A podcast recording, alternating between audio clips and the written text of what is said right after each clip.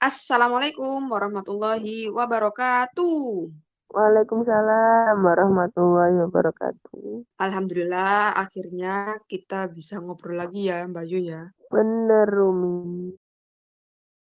Pelit banget sih Mbak ngomongnya cuman bener doang. Kenapa nih kenapa? gak tahu ya aku tuh capek gitu sampai sampai mau kesel tapi gak tahu gimana ngungkapinnya pengen marah tapi gak bisa ngelakuin apa-apa gitu loh jadi apa setiap pagi itu kan ada ini ya rutinitas gitu sebelum beraktivitas itu apa baca berita yang trending tuh aduh pokoknya beritanya tuh bikin capek gitu kalau baca. Oke dari sekian banyak berita yang sudah Mbak Yu baca itu berita apa sih yang paling bikin capek? Sampai akhirnya gara-gara berita itu tuh Mbak Yu itu jadi lemes. Yang paling parah itu kemarin apa ini oh kayak pelecehan seksual uh, kepada santri itu itu yang sangat banyak dan kalau nggak salah delapan atau sembilan yang sampai melahirkan maksudnya anak yang terlahir itu ya. Dan ternyata apa berita-berita yang terkait dengan kekerasan seksual atau seksual harassment itu banyak banget sampai kayak ada oknum yang memperkosa anaknya sendiri yang ternyata ketika ibunya laporan itu ya dianggap hoax gitu ya. Atau ada oknum yang meminta apa pacarnya itu melakukan aborsi bahkan dua kali itu aduh gimana ya mau kesel tapi aduh ya kita nggak bisa melakukan apa-apa gitu. Ya apa ya pengen marah marah sendiri. Uh.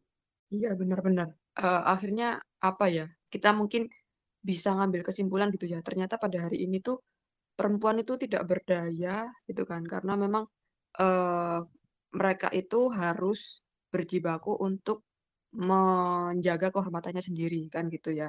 Jadi harus ada support system. Ya benar-benar jadi iya ini ya kayak perempuan tuh ya gak bisa jaga dirinya sendiri. Misal dia dari keluarga baik-baik nih terus uh, ketika keluar gitu ya terjun atau apa ya membaur lah sama masyarakat. Entah di kendaraan umum atau kemudian di tempat mana pun gitu ya. Itu sangat-sangat mungkin dia untuk mengalami uh, pelecehan seksual atau seksual harassment gitu ya. Kalau dulu kan sempat viral juga bukan begal ini ya bukan begal harta atau bukan begal barang-barang tapi sempat juga ada viral begal payudara ya kan? Kayak gitu.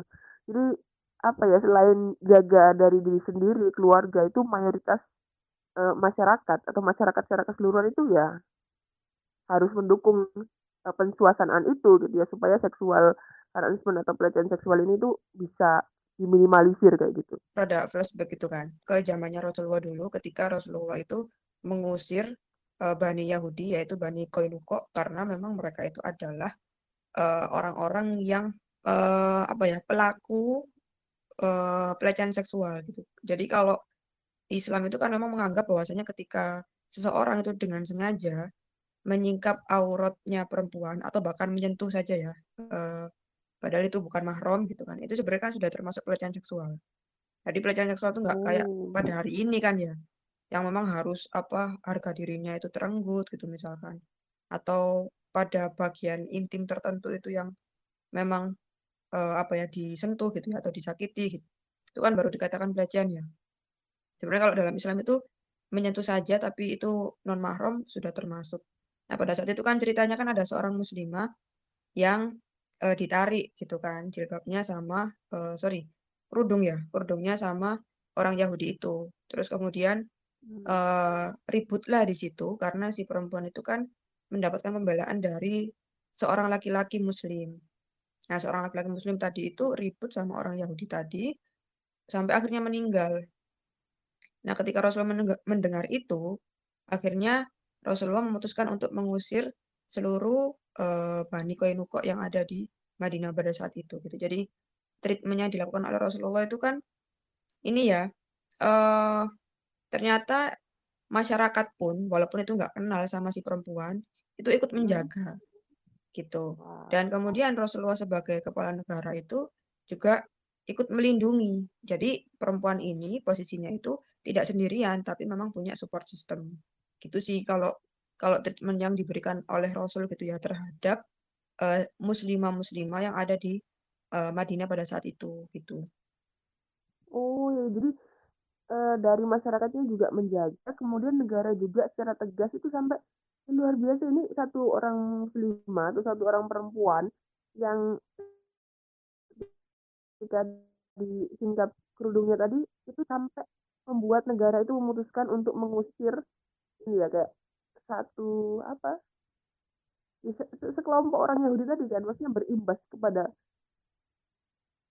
keluarga Yahudi yang lainnya kan seperti itu.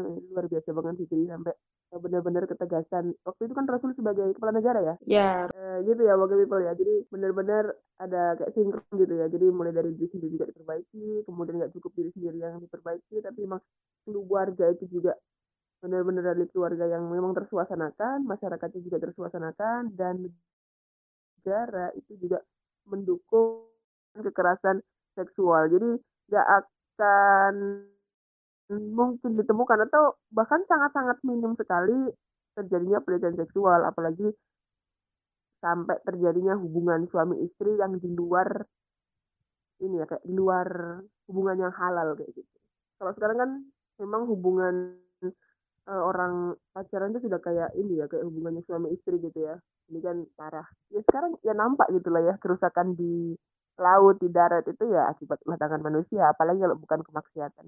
Jadi oke okay, people eh, kita semua berharap ini ya bisa menjadi pribadi yang lebih baik lagi apalagi ini sudah mau akhir tahun gitu ya kita melakukan refleksi akhir tahun pengen bisa lebih baik lagi lebih baik lagi karena orang yang beruntung adalah orang yang hari esok itu lebih baik daripada hari ini jadi jangan sampai menjadi orang yang merugi apalagi orang yang celaka oke okay, oke okay, people selamat bermuhasabah.